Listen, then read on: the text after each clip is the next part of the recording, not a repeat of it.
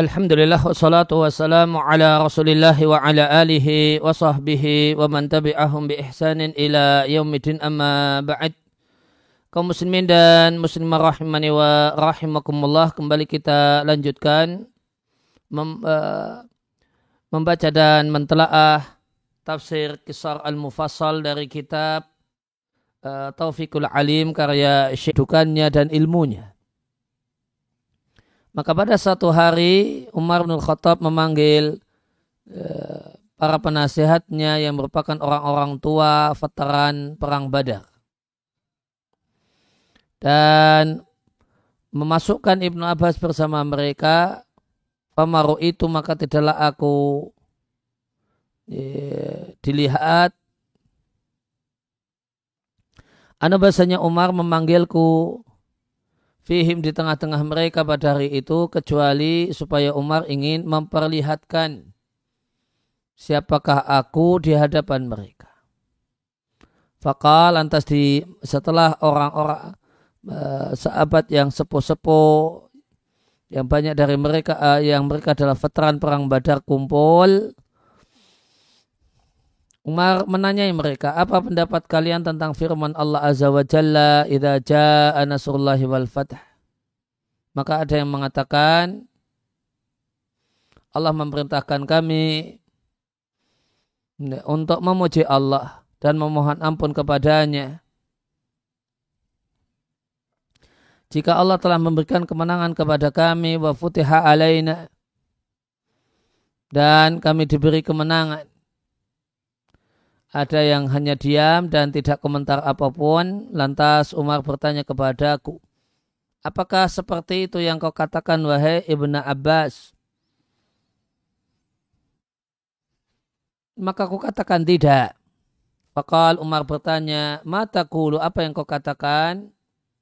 Fakultu Ibn Abbas mengatakan itu adalah ajal Rasulullah Sallallahu Alaihi Wasallam yang Allah beritahukan ajal itu kepada sang Nabi.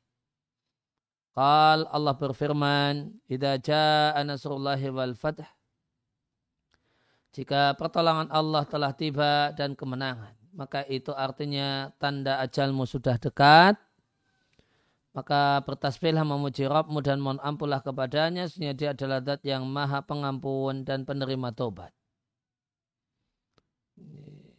Fakallah Umar bin Khattab, Umar bin Khattab kemudian memuji penjelasan Ibn Abbas dengan mengatakan, aku tidak mengetahui minha dari suratun Nasr ada pesan kecuali sebagaimana yang kau katakan. Ini diambil dari ada sumbernya dari Sahih Bukhari. Dari Ibn Abbas radhiallahu anhu beliau mengatakan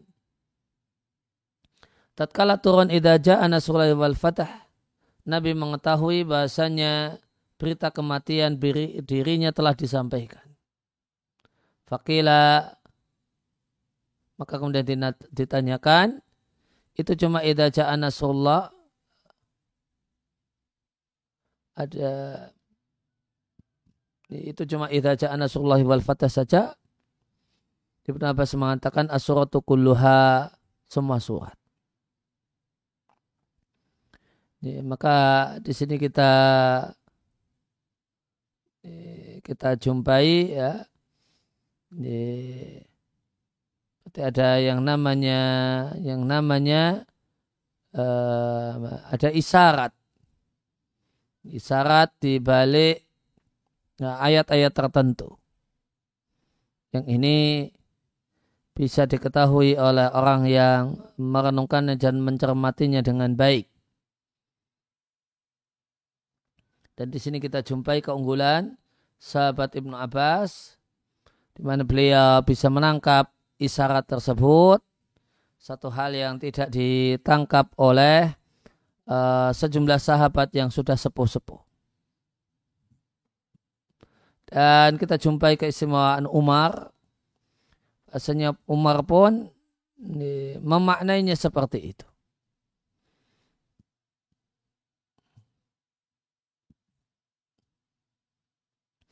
Maka di sini kita jumpai bahasanya kedalaman ilmu itu tidak mesti berbanding lurus dengan senioritas usia.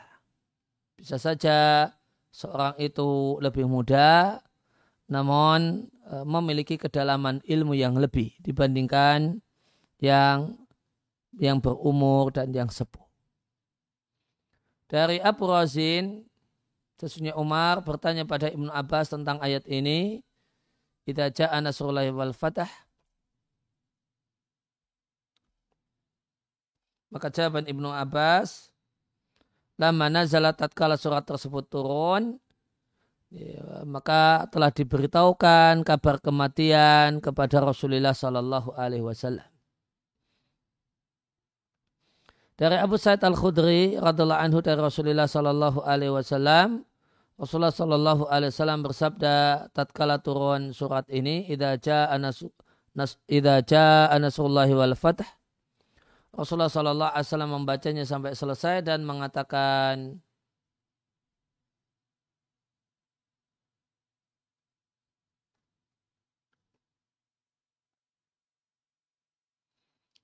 An-nasu hayyizun wa ana wa ashabi hayyizun.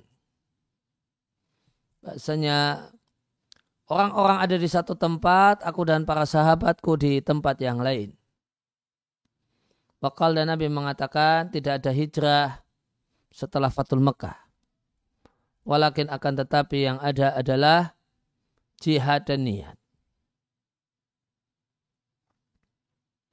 Faqala Marwan, Marwan lantas mengomentari Abu Sa'id al-Khudri. Engkau bohong. Dan di dekat Marwan ketika itu ada sahabat Nabi yang lain namanya Rafi ibn Khadij.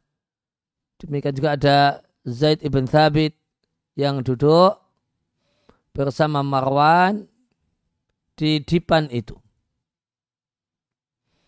Fakala Abu Sa'id lantas Abu Sa'id mengatakan pada Marwan seandainya dua orang ini mau niscaya keduanya bisa uh, menyampaikan kepadamu. Walakin hadha akan tapi orang ini khawatir engkau mencabutnya dari kepemimpinan kaumnya. Sedangkan yang itu khawatir engkau mencabutnya karena engkau sebagai khalifah mencabutnya dari kekuasaan otoritas untuk mengatur zakat. Farafa'a Marwan alaihi adirata maka Marwan kemudian mengangkat tongkat ke arah sahabat Abdullah ibnu sahabat Abu Sa'id ingin memukulnya lihat ribahu falam ra'a dzalika tatkala dua sahabat Nabi itu melihat hal tersebut kala keduanya mengatakan sodaka bahasanya Abu Said itu benar. Diriwayatkan Imam Ahmad. Sanatnya Hasan. Dan hal yang diingkari oleh Marwan ini ya, yang diingkari yang tidak di, diingkari dan tidak disetujui oleh Marwan terhadap Abu Said bukanlah satu hal yang mungkar. Fakat sabata valid dari Riyad Ibnu Abbas bahasanya Rasulullah Shallallahu Alaihi Wasallam bersabda pada hari penaklukan kota Mekah tidak ada lagi hijrah dari kota Mekah menuju Madinah yang ada adalah jihad dan niat. Akan tapi jika kalian diminta untuk berangkat untuk perang maka berangkatlah perang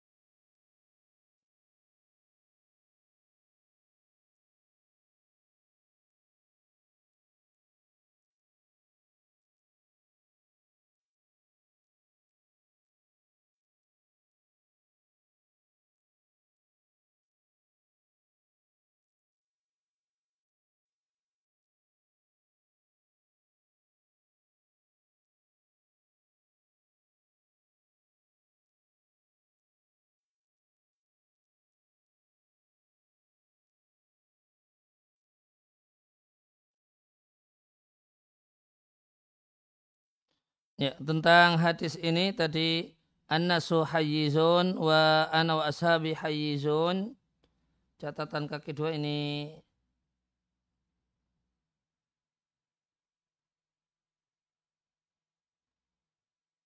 Musnad Imam Ahmad dinilai sahih oleh uh, dinilai sahih oleh pentahkik Musnad Imam Ahmad. Di sini di samping diatkan Imam Ahmad juga diatkan oleh Ibu Nabi Syaibah dan At-Tabarani. Dinilai oleh Al-Hakim. Al-Albani mengatakan sanatnya sahih. Akan tetapi hadis ini dinilai daif oleh Syekh Mukbil. Beliau katakan jika ada perhatikan sanatnya anda jumpai perawinya sahih. Perawinya adalah perawi yang dipakai oleh kitab saya namun Abu Bukhtari tidak mendengar dari Abu Sa'id. Dan hadis ini juga dinilai daif oleh Syekh Abdul Muhsin Al-Badr.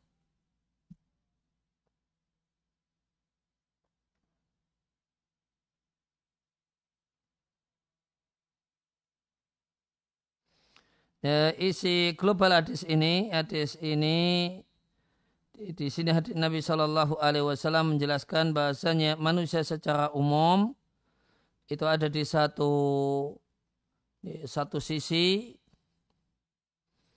Sedangkan para sahabat yang masuk Islam sebelum Fatul Mekah di satu sisi yang lain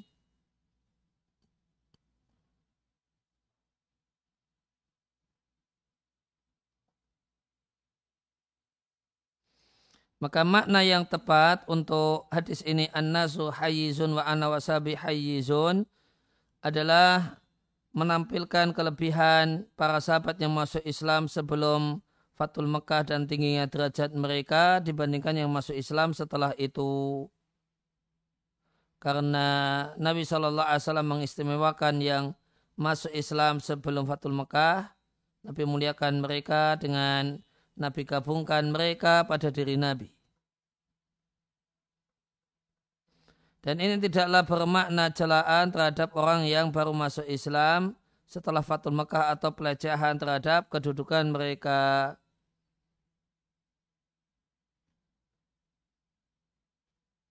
Kemudian Nabi lanjutkan hadisnya dengan Nabi, penjelas, Nabi jelaskan sudah terhentinya hijrah dari Mekah ke Madinah yang ini merupakan sebab penting ya hijrah ini merupakan sebab penting adanya uh, keistimewaan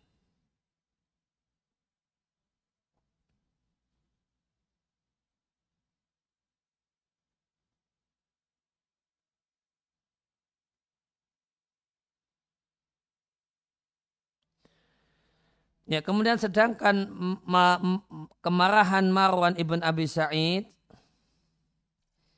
sebagaimana di akhir riwayat jika riwayat ini sahih maka ini kemungkinan besar berkenaan dengan keyakinan Marwan adanya kesamaan kedudukan antara yang masuk Islam setelah Fatul Mekah dan yang masuk Islam sebelum Fatul Mekah.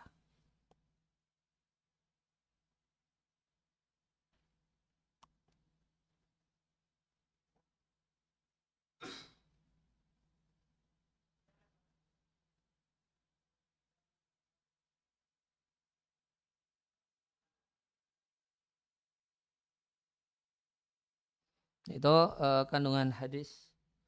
Jadi yang dimaksud dengan anas manusia adalah orang-orang yang masuk Islam setelah Fatul Mekah. Sedangkan yang dimaksud dengan ashabi dalam konteks ini adalah orang-orang yang masuk Islam sebelum penaklukan kota Mekah.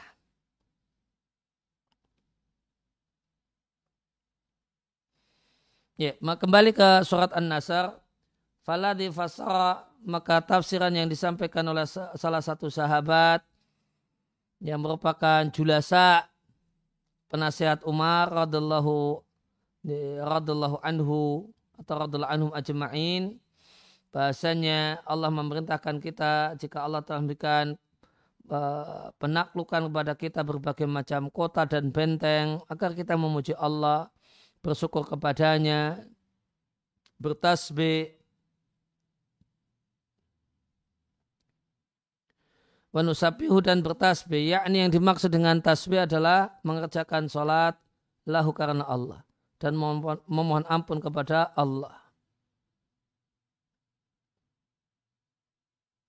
Maka tafsiran ini adalah maknan malihun sahihun. Adalah makna dan penjelasan yang bagus dan benar.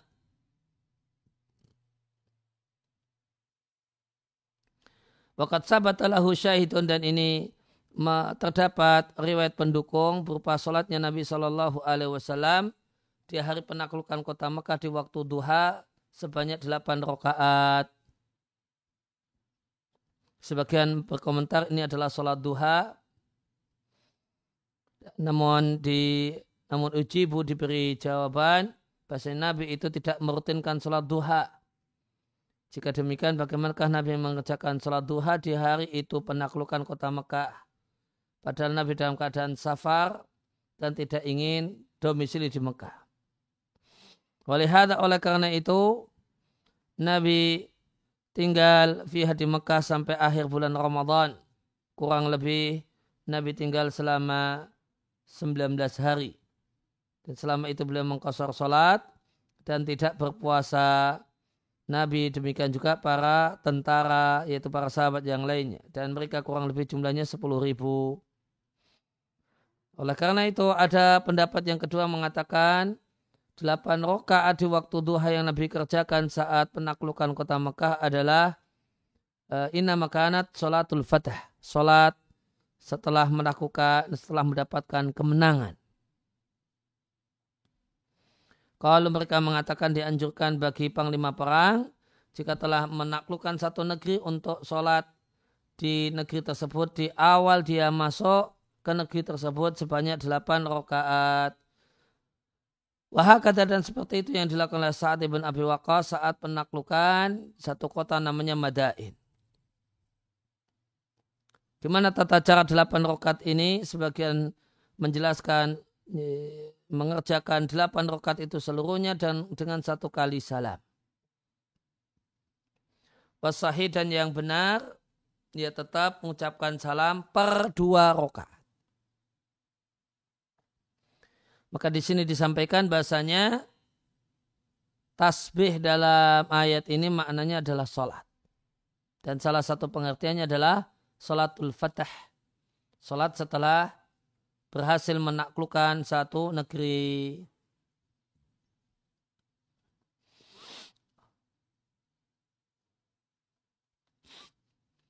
Sedangkan tafsir dari Ibnu Abbas dan dan Umar radhiallahu anhuma bahasanya surat ini adalah berita kematian Rasulullah Sallallahu Alaihi Wasallam sehingga makna ayat katailah bahasanya jika engkau telah menaklukkan kota Mekah yang merupakan kampung halamanmu yang telah mengusirmu dan orang-orang pun masuk ke dalam agama berbondong-bondong maka sungguh telah selesai kesibukanmu di dunia maka siap-siaplah untuk tiba menghadap kami dan datang kepada kami dan akhirat itu lebih baik bagimu daripada dunia dan sungguh Rabbmu akan memberikan berbagai macam pemberian kepadamu sehingga engkau ridha dan puas karenanya. Oleh karena itu Allah katakan fasabbih bihamdi rabbika wastaghfir innahu kana tawwaba. Dari Ibnu Abbas radhiyallahu anhuma tatkala turun idza ja'a nasrullahi wal fath sampai akhir surat kalau Ibn Abbas mengatakan ini adalah berita kematian uh, bagi Rasulullah Sallallahu Alaihi Wasallam ketika surat ini turun. Maka mulailah Nabi fi asadima kana istihadan. Nabi lebih bersungguh-sungguh dalam masalah akhirat. Nah, Rasulullah Sallallahu Alaihi Wasallam mengatakan setelah itu, Ja'al fatah telah datang penaklukan dan datanglah pertolongan Allah dan telah datanglah penduduk Yaman. Ada sahabat bertanya, Wahai Rasulullah, bagaimanakah penduduk Yaman? Kalau kata Nabi, mereka adalah sekelompok orang yang lembut hatinya. Yang lembut hatinya. Iman itu Yaman dan hikmah itu di negeri Yaman dan fikih itu juga Yaman. Pemahaman yang mendalam itu juga di Yaman. Dari Aisyah radhiallahu anha beliau mengatakan adalah Rasulullah sallallahu alaihi wasallam memperbanyak mengucapkan dalam rukuk dan sujudnya setelah turunnya surat An-Nasr Subhanaka Allahumma Rabbana wa bihamdika Allahumma gfirli. Ya ta'awalul Qur'ana itu Nabi lakukan dalam rangka mengamalkan dan mempraktekkan Al-Quran yaitu suratun Nasr. Dari Masrok, Masrok mengatakan bahasanya Aisyah menyampaikan adalah Rasulullah Sallallahu Alaihi Wasallam memperbanyak di air hidupnya ucapan Subhanallah bihamdi astaghfirullah wa atubu ilaih. Wakal dan Nabi mengatakan, Sesungguhnya Rabbku telah mengkabarkan padaku. Bahasanya aku akan melihat tanda di tengah-tengah umatku. Dan Allah perintahkan padaku jika aku telah melihat tanda tersebut. Supaya aku bertasbih memujinya dan mohon ampun kepadanya. Innahu kana tawabasnya dia adalah zat yang maha penerima tobat. Dan sungguh aku telah melihatnya. Idza ja'a nasrullahi wal fath. Wa ra'aitan nasa yadkhuluna fi dinil afwaja fasabbih bihamdi rabbika wastaghfirh innahu kana tawwaba. Ibnu Katsir rahimahullah taala mengatakan yang dimaksud dengan dengan al-fatah dalam surat ini adalah Fatul Makkah dan ini adalah kaulan wahidan sepakat ulama karena berbagai macam kampungnya orang Arab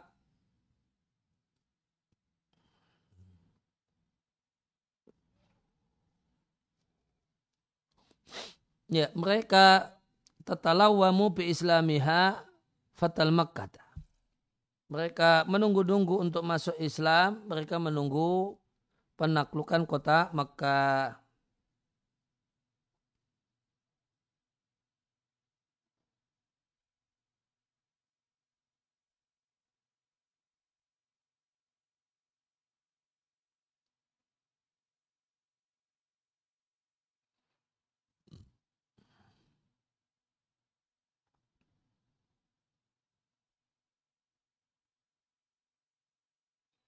Ini ada kosakata yang kita cek.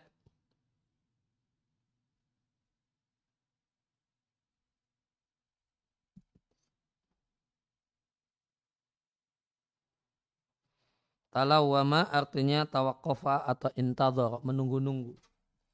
Mereka menunggu maka Islaman mereka, mereka menunggu Fatul Mekah. Banyak orang Arab mengatakan ketika itu jika Muhammad itu menang menghadapi kaumnya sendiri maka dia nabi. Maka tatkala Allah menaklukkan kota Makkah untuk sang nabi, mereka pun masuk dalam agama Allah dengan bergelombang-gelombang. Maka tidaklah berlalu dua tahun sampai istausaka jaziratul Arab imanan. Maka jazirah Arab dipenuhi dengan keimanan dan tidak lagi tersisa di berbagai macam kabilah Arab kecuali menampakkan keislaman walilhamdu wal minnah. Kosa kata istausaka.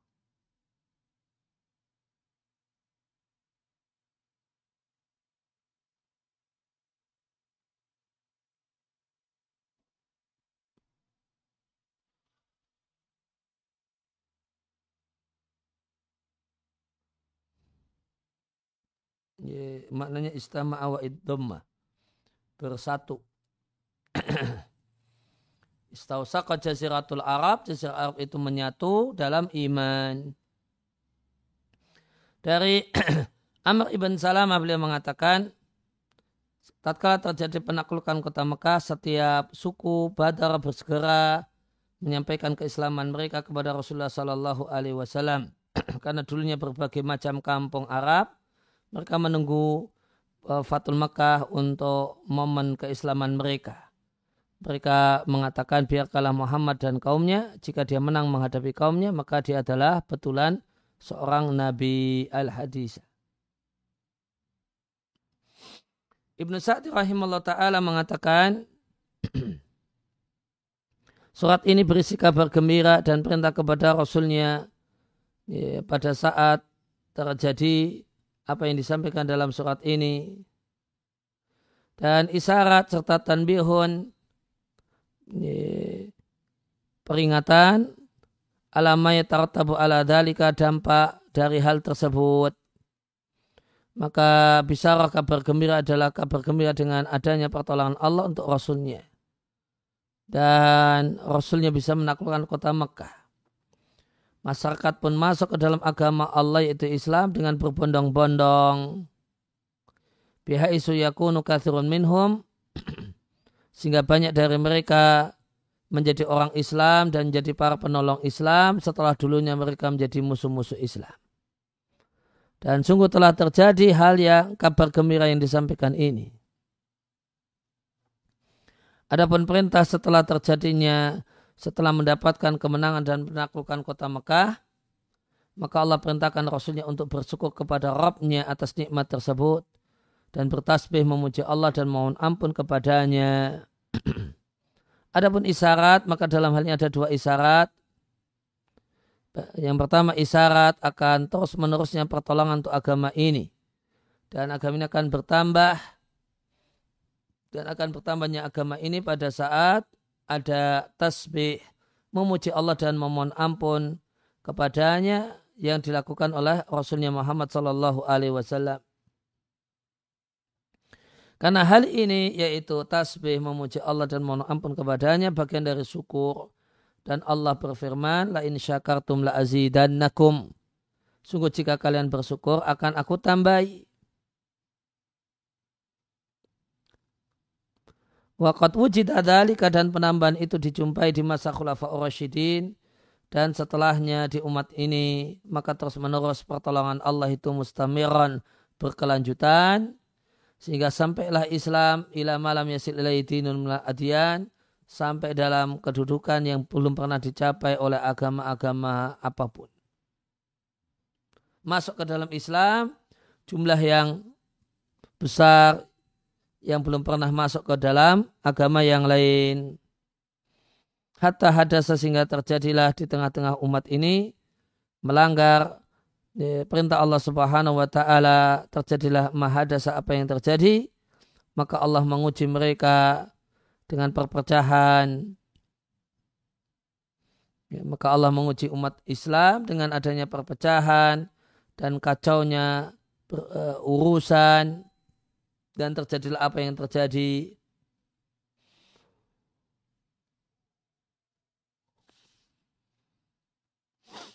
Wa ma'ahada meskipun demikian, maka untuk umat ini, untuk agama ini, kasih sayang Allah dan kelembutannya Ya, dalam kadar yang demikian banyak, banyak yang belum pernah terlintas dalam benak atau berputar di khayalan. Kemudian isyarat yang kedua adalah isyarat akan ajal Rasulullah Sallallahu Alaihi Wasallam kot korba telah dekat, wadana dan telah dekat. Bahwa judalika dan penjelasannya umur Nabi adalah umur yang istimewa. Allah bersumpah dengannya dan telah menjadi kebiasaan bahasanya hal-hal yang istimewa ditutup dengan istighfar. Sebagaimana sholat itu diakhiri dengan istighfar setelah Assalamualaikum Allahumma anta salam wa minka salam. Uh, setelah Assalamualaikum maka astagfirullah. Demikian juga haji ditutup dengan istighfar dan yang lainnya. Maka Allah perintahkan Rasulnya untuk memuji Allah dan mohon ampun dalam kondisi ini maka ini terdapat isyarat bahasanya ajal Nabi batas waktu Nabi telah berakhir maka dah Nabi siap-siap dan bersiap-siap untuk berjumpa dengan Rabbnya dan menutup umurnya dengan hal yang paling terbaik yang Nabi jumpai salatullahi alaihi. Maka Nabi Shallallahu Alaihi Wasallam pun mengamalkan Al-Quran. Nabi mengucapkan kalimat semacam itu dalam sholatnya Nabi banyak membaca Nabi memperbanyak untuk mengucapkan satu rukuk dan sujud. Subhanaka Allahumma rabbana wa bihamdika Allahumma rfirli ini penjelasan dari As-Sa'di. Kemudian dari Sa'ib Nusaymin rahimallahu ta'ala jika telah datang Nasrullah pertolongan Allah dan Fatah seruan ini ditujukan kepada Nabi Nya Sallallahu Alaihi Wasallam. Pertolongan Allah An-Nasru di sini artinya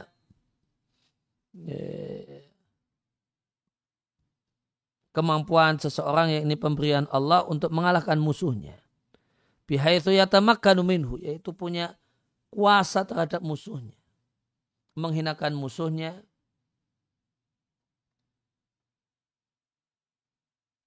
dan uh, yakbituhu ya, menghinakan musuhnya dan uh,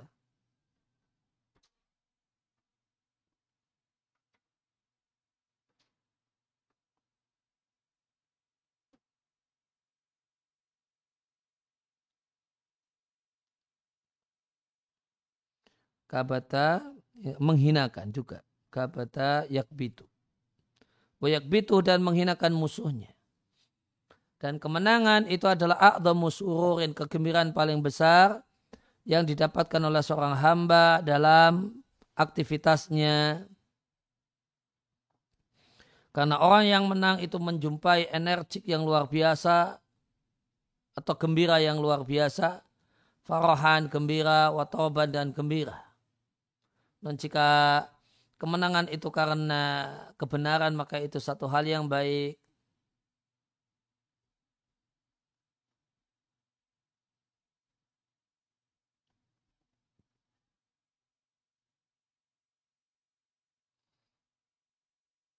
Ya, naswah, naswatun nasr artinya ibti, ibtihad wa tahalul, ya, itu gembira. Maka orang yang muntasir yang menang perang, yang menang menghadapi musuhnya dia menjumpai naswatan azimatan. Ada sesuatu yang nampak, Zat?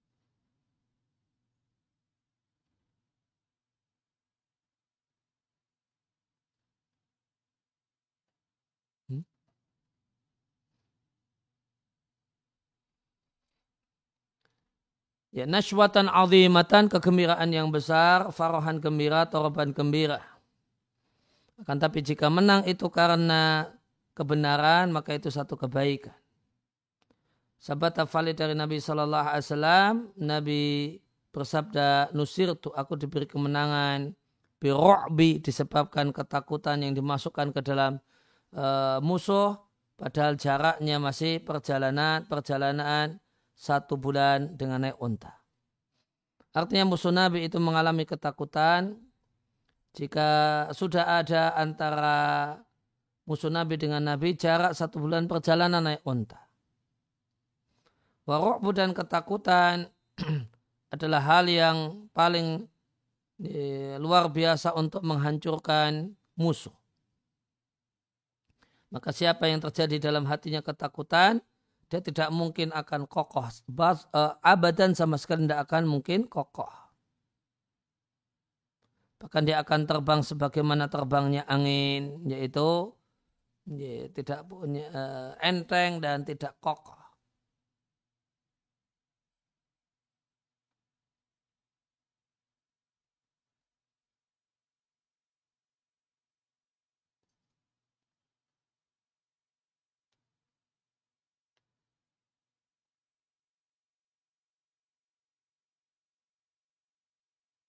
Fataka tadi ada kata-kata fataka asyatu syai'in yaf, eh, yaf, uh, yaftuku bil adu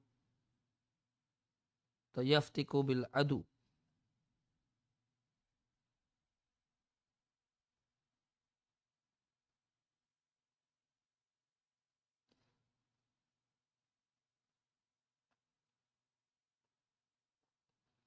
Fataka rajulu syuja'an miqdaman. Artinya pemberani. Ini demikian uh, asyadu syai'in uh, satu hal yang sangat-sangat uh, ya mungkin terjemah bebasnya bisa bato sabihi fatakabil adu itu bisa artinya kotala membunuh atau batosya ya menyerang ya. Maka rasa ketakutan asyadu syai'in adalah suatu hal yang paling luar biasa membuat uh, kehancuran musuh. Buat serangan bagi musuh. Maka firman Allah Ta'ala idha ja'a nasurullah yaitu pertolongan Allah kepadamu untuk menghadapi musuhmu. Wal fatah dan fatah.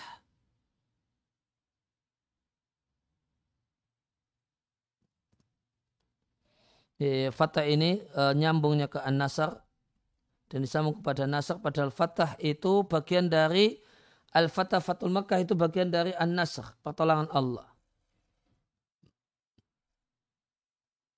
Ya, kenapa ini ada fatah? Padahal fatah itu kan bukankah bagian dari an-nasr? Jawabannya ini untuk menunjukkan tanwihun bisya'nihi. Untuk menunjukkan istimewanya penaklukan kota Mekah. Maka di sini kita jumpai bab, bab atfil khas alal am. Itu seperti firman Allah Ta'ala, para malaikat turun, demikian juga malaikat Jibril di Lailatul Qadar. Padahal Jibril bagian dari malaikat disebutkan secara khusus untuk menunjukkan istimewanya Jibril. Maka disebutkan Al-Fatah secara khusus pada Al-Fatah itu bagian dari Nasr menunjukkan istimewanya penaklukan kota Mekah. Dan alif lam pada al-fatah itu untuk lil ahdi dhihni. Untuk mengikat pikiran. Yaitu penaklukan yang telah dikenal al-ma'ruf yang telah dikenal dalam benak kalian yaitu penaklukan kota Mekah. Dan penaklukan kota Mekah terjadi di bulan Ramadan tahun 8 Hijriah dan sebabnya adalah Nabi Wasallam itu sholah berdamai dengan Quraisy di Hudaybiyah di tahun ke-6 dan perjanjian Hudaybiyah ini terkenal. Lantas Quraisy membatalkan perjanjian di tahun ke-8 padahal di Hudaybiyah disampaikan terjadi perjanjian damai selama 10 tahun.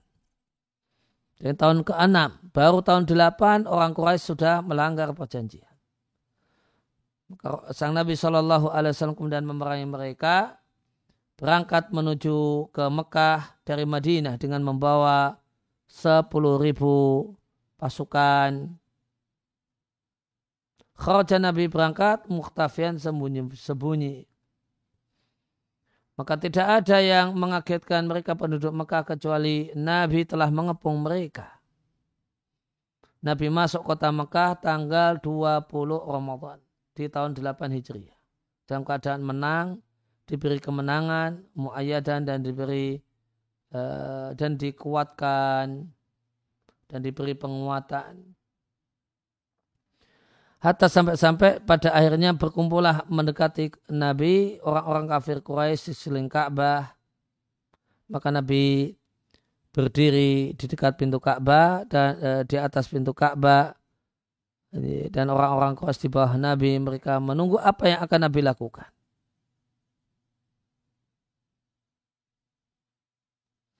Fa'akhadha maka Nabi Shallallahu Alaihi Wasallam memegangi uh, lengan pintu. Mungkin pegangan pintu itu. Dan mengatakan, wahai orang-orang Quraisy, menurut sangkaan kalian, apa yang akan aku lakukan kepada kalian? Wawadahan sang Nabi adalah orang yang 8 tahun sebelum 8 tahun yang lewat adalah orang yang kabur meninggalkan Quraisy. Wasara dan jadilah orang Quraisy saat ini al-an sekarang dalam genggaman Nabi dan di bawah pengaturan Nabi. Nabi bertanya, menurut sangkaan kalian, apa yang akan aku lakukan kepada kalian? Orang Quraisy mengatakan, engkau akan melakukan yang baik, engkau saudara yang mulia, anak dari saudara kami yang mulia. Kal Nabi mengatakan, sesungguhnya aku katakan pada kalian sebagaimana perkataan Yusuf kepada saudara-saudaranya, tidak akan ada celaan untuk kalian hari ini. Semoga Allah mengampuni kalian. Idhabu fa'antum mutulaqa. Silakan pergi, kalian semua bebas. Maka Nabi Shallallahu Alaihi Wasallam memaafkan mereka semua.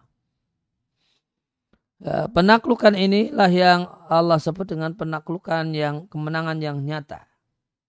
Sebagaimana firman Allah taala inna fatahna laka fatham mubina. Sehingga kami telah berikan kemenangan untukmu kemenangan yang nyata. Ya, mubina ay bayinan yang jelas aziman yang besar wadihan yang jelas wala mahasal dan tatkala itu telah terjadi semua orang mengetahui bahasanya kesudahan yang terpuji itu untuk Muhammad Sallallahu Alaihi Wasallam dan bahasanya peran Quraisy dan para pengikutnya telah berakhir.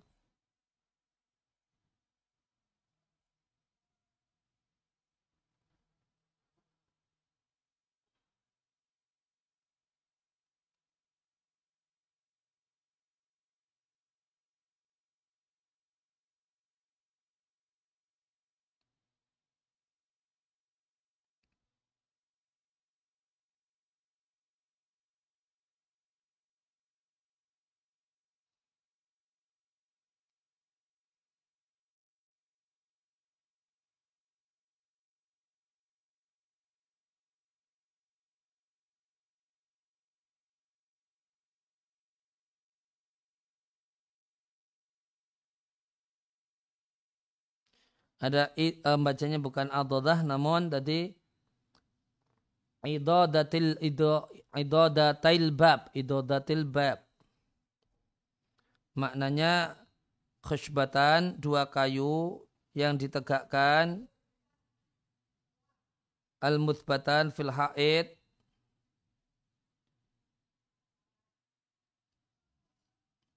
Yang dipasang di tembok di dua sisi pintu. Jadi apa ini? Dua kayu yang dipasang. Ya, oh, berarti ini ya. Ini untuk bikin pintu itu kan eh, temboknya dikasih kayu dulu. Temboknya dikasih eh, kayu kiri dan kanan. Nah, maka Nabi ketika itu memegangi kayu memegangi kayu yang merupakan uh, sisi dua kayu yang dipasang di tembok yang ada di sisi kiri dan kanan uh, pintu, daun pintu.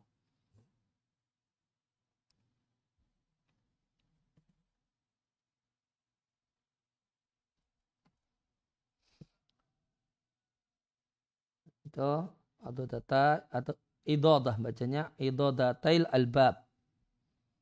Kemudian kita lanjutkan. Eh, Fasa'o anna sulantas jadilah manusia masuk ke dalam agama Allah afwaja. Afwaja maknanya jama'atin. Rombongan-rombongan. Setelah dulu mereka masuk ke dalam Islam sendiri-sendiri. Afrod dan afrod dan individu-individu. Dan setelah dulu tidaklah seorang itu masuk ke dalam Islam dalam sebagian keadaan kecuali sembunyi-sembunyi. Sekarang jadilah mereka masuk ke dalam agama Islam berpondong-pondong. Jadilah banyak tamu datang pada Nabi SAW di Madinah dari semua daerah. Sehingga tahun 9 Hijrah itu disebut dengan tahun menerima banyak tamu.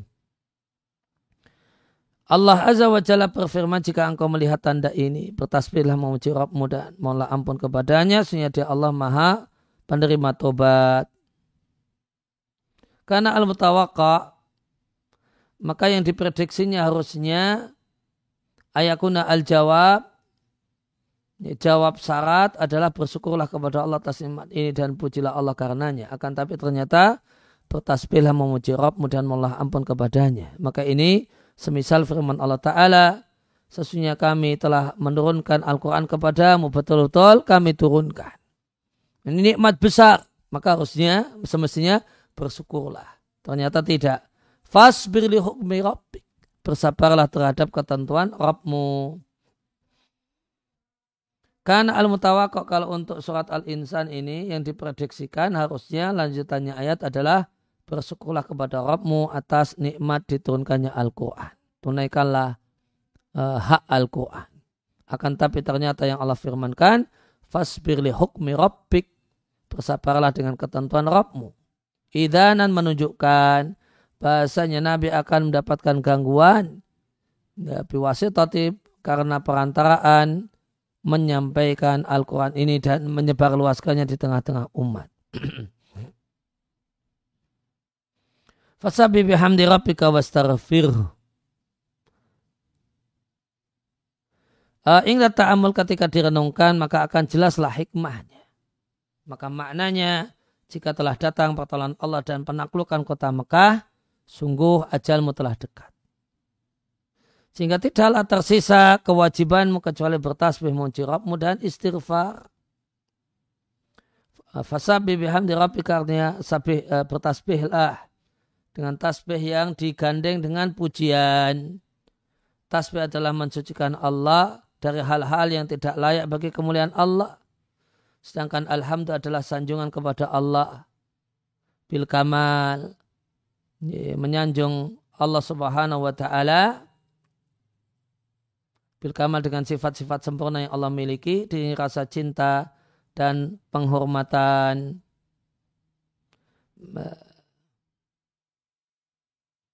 Dan di sini digabungkan antara atanzih mensucikan Allah bertasbih dengan alhamdulillah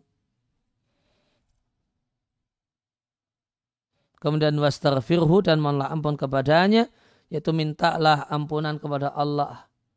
Maka Allah perintahkan Allah Ta'ala memerintahkan nabinya dua hal.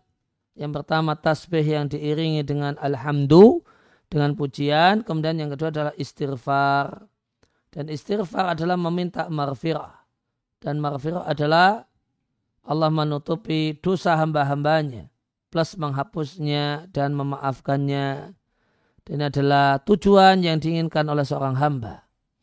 Karena seorang hamba itu banyak dosanya, perlu mendapatkan marfirah. Jika seorang hamba itu tidak Allah liputi dengan kasih sayangnya, maka hamba itu binasa.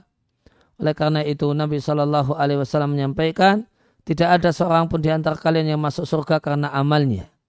Sahabat bertanya, tidak pula engkau wahai Rasul Allah? Jawabnya tidak pula saya kecuali jika Allah menutupiku dengan kasih sayangnya.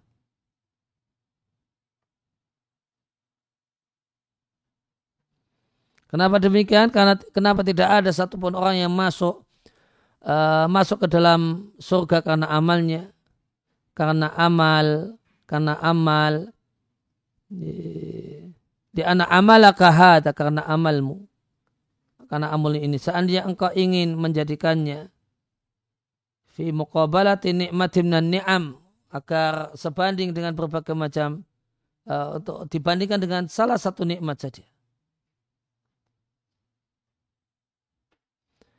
Nikmatun wahidah satu nikmat saja. Niscaya nikmat yang ada itu mengepung dan mengalahkan amal yang telah dilakukan. Maka bagaimanakah mungkin amal semacam ini? Jadi artinya amal yang banyak itu tidak sebanding dengan satu nikmat yang Allah berikan. Misalnya nikmat bisa melihat. Tidak sebanding dengan amal yang dilakukan. Maka bagaimanakah mungkin amal yang seperti ini nilainya bisa menjadi iwadon. Kompensasi untuk bisa masuk surga. Oleh karena itu, Ba'dul Arifin, sebagian orang yang menekuni masalah hati, mengatakan dalam salah satu syairnya. Idza Nabi nikmat Allah nikmatun. Jika mensyukuri nikmat Allah itu satu nikmat. Alayya atasku. Lahu bagi Allah fi misliha semisal nikmat ini. Yajibu syukru yang wajib disyukuri jika bersyukur atas nikmat Allah, bisa bersyukur, bisa mensyukuri nikmat Allah itu nikmat. Ini satu nikmat. Yang dan nikmat ini wajib disyukuri. Fakaifa buluru syukri illa bifadli. Maka bagaimanakah mungkin orang itu bisa bersyukur kecuali dengan karunia Allah. Wa in talatil ayamu meskipun hari itu demikian panjang wattasola al umru dan umur itu sambung bersambung. Innahu kana tawwab dia Allah itu zat yang maha penerima tobat. Artinya dan Allah itu Allah Azza wa Jalla itu terus menerus menerima tobat hamba-hambanya. Jika engkau memohon ampun kepadanya, maka dia akan mengampunimu. Hada huwa makna suratin lah makna surat ini. Akan tetapi surat ini punya marzan akhar, tujuan yang lainnya yang tidak akan ditangkap kecuali oleh orang-orang yang cerdas. Walihada oleh karena itu kalau Umar bin Khattab radhiallahu anhu mendengar bahasanya manusia mengkritik Umar dikarenakan Umar mendekatkan Abdullah bin Abbas di majlis uh, surah beliau padahal Ibn Abbas ini sangat belia. Sedangkan Umar tidak mendekatkan uh, anak-anak muda semisal Ibnu Abbas yang lainnya. Tidak mendekatkan anak-anak muda yang lainnya yang seumuran dengan Ibnu Abbas. Dan Umar adalah termasuk khalifah yang paling adil. Maka Umar ingin menjelaskan kepada publik bahasanya Umar itu tidaklah basa-basi dengan Ibnu Abbas sedikit pun maka Umar mengumpulkan para muhajirin yang uh, sepuh-sepuh demikian juga ansor yang sepuh-sepuh di salah satu hari. Dan Umar membawa Abdullah Ibnu Abbas. Lantas Umar berkata kepada para sahabat yang ada mata kuluna fi hadhihi surati? Apa komentar kalian tentang surat ini? Itu idza jaa nasrullahi wal fath sampai akhir surat. Mereka menafsirkannya sesuai dengan apa yang nampak saja. Sebagian mengatakan kami diperintahkan untuk memuji Allah dan memohon ampun kepadanya. Jika kami telah diberi kemenangan wa futiha alaina dan diberi penaklukan kota Makkah untuk kami. Sebagian yang lagi mengatakan kami tidak tahu dan sebagian lagi tidak komentar apa pun. Lantas Umar berkata, Wahai Ibnu Abbas, apa yang kau katakan? Maka Ibn Abbas mengatakan bahwa Amrul Mukminin itu adalah ajal Rasulullah Shallallahu Alaihi Wasallam yang Allah beritahukan kepada nabinya. Idza ja'a nasrullahi wal fatah. Fatah artinya penaklukan kota Mekah. Maka itulah tanda ajalmu. Wa ra'aitan nasa yadkhuluna fi dinillah afwaja. Fasabbi bihamdi rabbika wastaghfir innahu kana tawwaba. Umar mengatakan, Wallahi demi Allah aku tidak mengetahui surat ini maknanya kecuali sebagaimana yang engkau ketahui maka nampaklah jelaslah dengan hal tersebut keutamaan Ibnu Abbas, istimewanya Ibnu Abbas dan bahasanya Ibnu Abbas memiliki kecerdasan dan pengetahuan tentang maksud Allah Azza wa Jalla.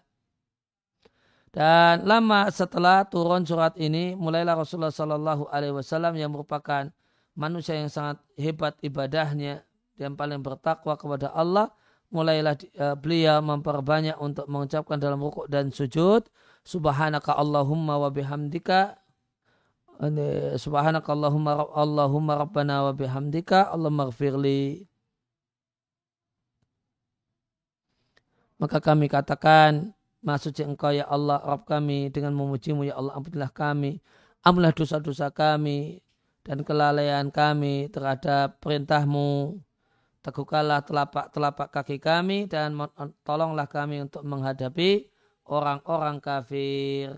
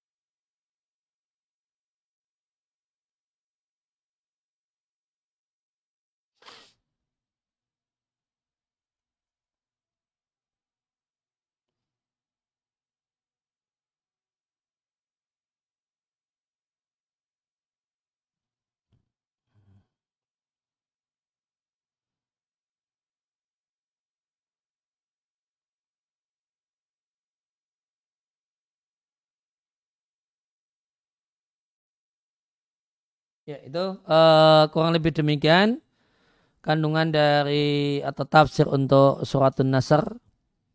Demikian yang kita pelajari kesempatan kali ini. Wassalamualaikum ala nabiyina Muhammadin wa ala alihi washabihi wasallam. Wa akhu da'wana alhamdulillahi rabbil alamin. Subhanakallahumma wa bihamdika. Asyhadu an la ilaha illa anta astaghfiruka wa atubu ilaih.